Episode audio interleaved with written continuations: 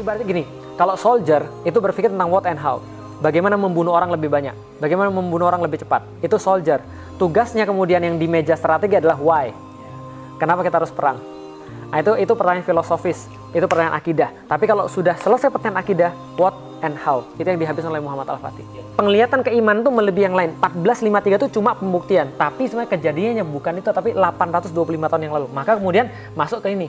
Pertanyaan apa rahasia mereka? Rahasia mereka ini.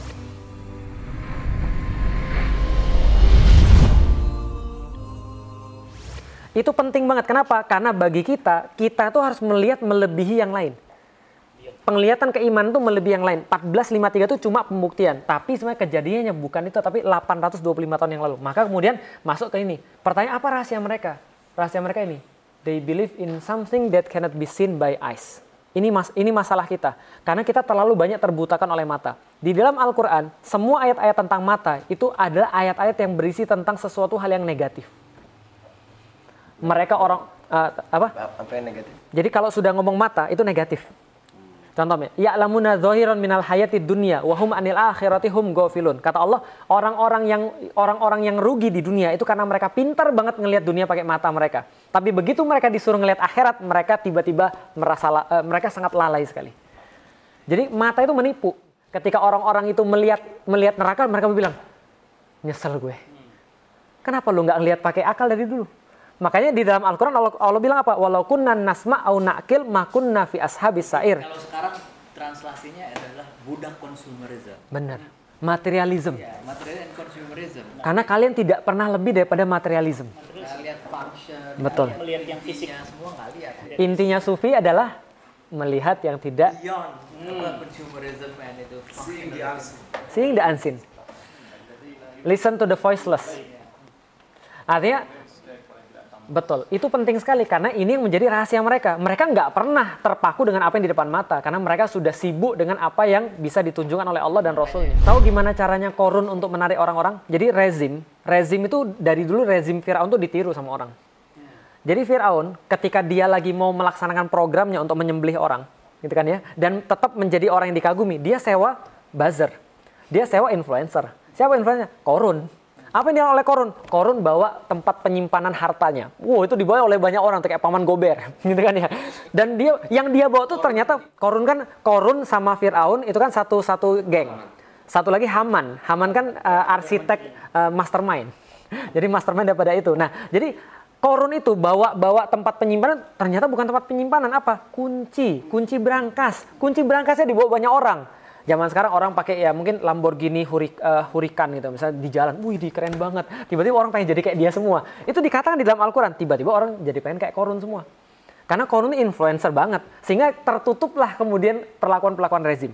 Dan sebelum rezim-rezim yang mana pun ditiru lagi sama uh, apa Flavian, Kaisar Flavian, Flavian Amphitheater. Itu kan dibuat sebuah hiburan untuk menutupi kezoliman. Dibuatlah kemudian Flavian Amphitheater yang kita kenal dengan nama uh, Colosseum semakin banyak eh, semakin banyak political diversion yang terjadi, semakin banyak kehancuran. Termasuk klepon itu political diversion. Semakin banyak political diversion itu tanda-tanda itu sudah panik. Karena mereka nggak bisa melakukan yang lain lagi. Oke, okay, they believe in something that cannot be seen by eyes. Apa maksudnya? Contoh, Sumayyah. Sumayyah itu seorang yang disiksa karena keimanan dia. Jadi tahu Ammar bin Yasir diikat di tiang Nah, betul. Menyaksikan bapak ibunya dibunuh di depan mata dia. Bapaknya disalib di pohon kurma, ibunya dibunuh lebih dulu dengan cara dia dia di, diikat dicambuk sama sama Umay bin Khalaf, disuruh murtad, lalu kemudian dia ngeludahi Umay bin Khalaf. Ketika meludahi Umayyani marah, diambil tombak, ditusuk dari kemaluan sampai tembus pada lehernya. Ketika itu terjadi, Rasulullah lewat. Ketika penyiksaan terjadi, Sumayyah kemudian lagi teriak-teriak gitu, Rasul cuma bilang gini, Sobron ala Yasir, fa inna mau idukumul jannah Sabar wahai keluarga Yasir, sesungguhnya Allah sudah menjanjikan pada kalian tempat kalian ceto surga. Apa kata Sumayyah ketika dengar itu? Langsung bersinar-sinar muka terus dia bilang, "Ya Rasulullah, surganya sudah di depan mata saya." Pikir saya dalam hati, kayaknya mungkin dia bukan ngeliat, tapi bagi dia kenyataan di depan mata realitas itu nggak lebih nyata daripada omongan Rasulullah. Jadi omongan Rasulullah itu lebih nyata daripada fakta, menghilangkan kesakitan, menghilangkan desperate, dan menghilangkan segala sesuatu yang lain. Karena dia yakin. Betul, betul, betul. Nah, terus kemudian apa yang kemudian harus dilakukan? Ini yang dilakukan. But to look beyond the glory is the hardest part. Melihat pada suatu kemenangan adalah sesuatu yang sangat sulit. Kenapa? Karena kalau kita lihatnya cuma realitas, udah habis. Ini yang terakhir yang pengen saya sampaikan. Kalau Muhammad Al-Fatih menaklukkan Konstantinopel umur 21 tahun. Ketika umur 21 tahun menaklukkan Konstantinopel dan saya sudah kasih tahu kapan penaklukan itu dimulai? Betul. Ini juga lisannya Rasulullah Shallallahu Alaihi Wasallam. Ini yang kemudian disampaikan oleh ayah. Saya cuma menyampaikan eh, apa eh, apa tadi khilafah for beginners satu dua. Ini khilafah for beginners dua setengah, gitu kan ya. Yang nanti tiga empatnya silahkan dibikin. Ini ada episodik daripada eh, kehidupan dunia yang kita sulit banget untuk gimana cara kita bisa untuk menafikan orang ini sudah dari hadisnya Rasulullah. Hadis-hadis yang diriwayatkan oleh Imam Ahmad.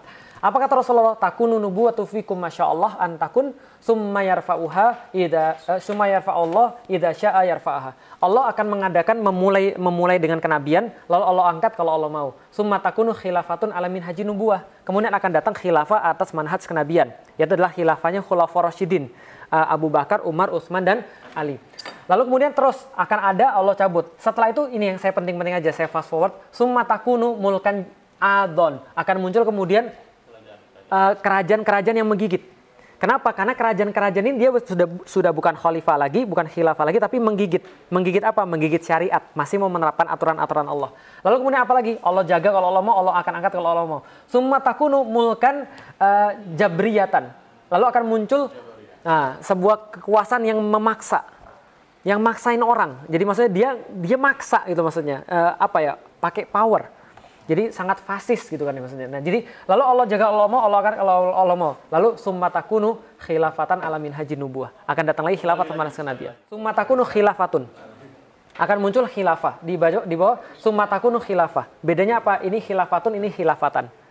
Mengenai kemudian bahasa, orang-orang bahasa bisa berdebat. Tapi saya pengen jelasin sesuatu yang saya pikir mungkin benar. Bisa bisa jadi benar, bisa jadi salah. Ini agak sedikit jelimet karena soal bahasa, tapi bisa jadi mungkin dul nanti jadi tertarik dengan bahasa Arab. Bahasa Arab. Summa takunu khilafatun. Kenapa khilafatun? Karena orang menurut eh, menurut kaidah bahasa Arab setelah ada kata kana, maka setelah itu akan ada isim kana. Isim kana, isim kana itu gampangnya gini, setelah ada kata kana, setelah itu ada namanya dia akan mempengaruhi kata di depannya. Kata di depannya jadi u atau un.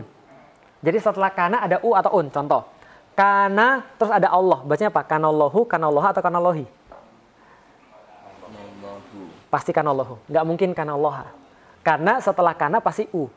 Kebalikannya inna. Inna setelah inna pasti a. Contoh inna, innalloha, innallohi atau innallahu. Pasti innalloha. Sudah pasti karena itu kaidah, itu formula, itu itu rumus. Maka benar takunu khilafatun. Tapi di sini, loh kok setelah kana, setelah takunu ada khilafatan, katanya tadi harusnya khilafatun. Ternyata kemudian setelah saya ngobrol-ngobrol sama orang-orang yang kemudian belajar bahasa, menurut mereka bisa jadi ini bukan isim kana. Tapi yang berbentuknya nasab adalah khobarnya kana. Khobar itu kabarnya kana. Atau contoh ya, kayak ini. Kana ada Allah. Bacanya kana Allah atau kana loha? Kana biasa kana Allahu aliman hakiman. Setelah u a a. U a a. Tapi kalau inna innallaha alimun hakimun. Setelah a u u. Nah, itu itu ada isim kana dan isim inna namanya. Tapi gampangnya gini, berarti ini bukan isim kana. Berarti ini bisa jadi khobar. Kenapa ini khobar? Karena isimnya disembunyikan. Jadi ini bacanya kira-kira summa takunu khilafatun khilafatan alamin haji nubuah. Akan datang khilafah, yang khilafah ini berlandaskan khilafah khulafaur rasyidin, yang khilafah itu berlandaskan atas jalan-jalan kenabian. Keluar lagi dia. Asik kan? Jadi artinya akan balik lagi. The history will repeat itself. Artinya akan ada retro. Betul. Dan retro, seperti katanya Mas Ahmad Dhani sebelum kemudian menutup ini, sejarah akan berulang lagi. Itu sudah pasti. Belum nonton? Belum nonton. Nonton belum? Belum. For beginners. Silakan for beginners belum nonton? Oh, saya tanya anak saya, kamu sudah baca buku saya? Belum. Itu kan ya sama aja. Itu kan. Itu itu kutukan anaknya itu begitu. Oh, for beginners bro, lagi in sekarang ini. Ya, karena itulah yang harus jelasin adalah bukan bapaknya, harus orang lain kan itu kan ya. Karena memang dia nggak akan baca karya bapaknya. Sebagaimana anak saya nggak pernah baca karya bapaknya. nah jadi, oke kalau gitu saya coba eh, sedikit eh, sedikit cerita. Muhammad Al-Fatih menaklukkan Konstantinopel umur 23 tahun. Dulu saya taunya gitu, sebenarnya 21. Ustadz Fatih bilang sama saya 23. Ustadz Fatih ngambil ngambil data yang 23. Ternyata 21. Saya masuk Islam 18 tahun. Saya masuk Islam 18 tahun, ketika saya masuk Islam, saya bilang sama Ustadz Fatih Karim, saya pengen menaklukkan satu kota lagi, yang belum ditaklukkan, yaitu kota, ada Konstantinopel sama kota? Oh. Kan ditanya sama Rasulullah, ya Rasulullah yang mana duluan nih? Konstantinopel atau Roma? Ternyata kata Rasul, Konstantinopel duluan. Berarti Roma belum kan? Saya bilang saya pengen menaklukkan kota Roma. Maka nama saya Muhammad Al-Fatih. 18 tahun saya masuk Islam, 23 tahun seperti yang saya tahu dulu. Ternyata saya belum pernah pergi ke Roma. Saya baru pergi ke Roma umur 26 tahun. Du- Eh sorry, 28 tahun saya baru pergi ke Roma. Di situ ngapain? Survei. Ada eh, ada grup bapak saya, 29 orang di bis, 5 orang doang yang muslim, yang lainnya bukan muslim. Ketika kemudian jalan dari Paris pergi sorry dari Mil, eh, dari Paris ke Milan, betul. Saya saya di situ ada 11 jam, 8 atau 11 jam di jalan. Saya bilang, "Mau nggak saya cerita tentang sejarah Europe?" Mereka bilang, "Mau." Saya cerita dari zaman-zaman dewa, dari zamannya Kronos, Zeus, ke semuanya segala macam sampai kisah penaklukan Konstantinopel. Terus saya bilang, itulah kenapa saya pengen ke sini. Kenapa? Saya mau survei. Kalau enggak saya balik lagi, anak-anak saya akan ke sini. Ketika saya bilang begitu, yang muslim langsung bilang takbir, Allahu Akbar. Yang yang bukan muslim bilang anak Pak Iwan sudah gila. Gitu kan ya. Karena saya ngomong strategi, cuman saya nggak bisa nahan, saya pengen nyeritain pada mereka. Nah, ketika saya nikah umur 23 tahun, saya bilang sama istri saya, Dek, kayaknya bukan jatah kita, karena kita sudah terlalu tua. Karena orang-orang tua bisa jadi adalah membuat jalan buat anak-anaknya. Maka saya bilang sama anak sama istri saya, Dek, anak kita harus namanya Muhammad Al-Fatih. Maka kemudian 2008 anak saya lahir pertama cewek, nggak jadi. Namanya Alila namanya. Anak yang kedua 2010 namanya Sifar Muhammad Al-Fatih 1453. Sifar artinya 0, Muhammad Al-Fatih 1453. Nama anak saya ada angkanya. Yang ketiga nama anak saya Gozi Muhammad Al-Fatih 1453. Ada angkanya. Ada 14 Ada 1453. Untuk apa? Karena 1453 penting banget. Dulu Panathinaikos kalau saya nggak salah pernah tanding lawan Galatasaray. Ketika di tengah jalan itu ketika ketika tanding away mereka bentangkan bentangkan satu spanduk remember 1453. Nggak jadi tanding, berantem. Karena orang Yunani ngerti apa arti remember 1453. Saya pergi ke Roma, saya pakai baju tulisan belakang sudah saya persiapkan remember 1453. Nggak ada yang berani karena nggak tahu mungkin mereka. Maka bagi saya 1453 penting banget. Bagi saya ketika Ayah Sofia dijadiin masjid lagi, ini pernyataan penting sekali. Pernyataan penting- sekali. Kenapa? Karena Muhammad Al-Fatih ketika menjadikan Ayah Sofia sebagai masjid, dia bilang, siapa yang mengganti tempat ini lagi selain jadi masjid, mudah-mudahan Allah, Rasul, Malaikat, semua manusia melaknat dia. Karena ini adalah simbol, penting sekali. Simbol itu apa? Liyudhirahu ala dini kulli. Bahwa Allah berhasil untuk men- meninggikan atas seluruh kemudian yang lain-lainnya. Nah ini kemudian tentang penaklukan Konstantinopel. Pelajarannya apa? Sederhana. Balik lagi bisyarah. Janji Rasul nggak mungkin salah.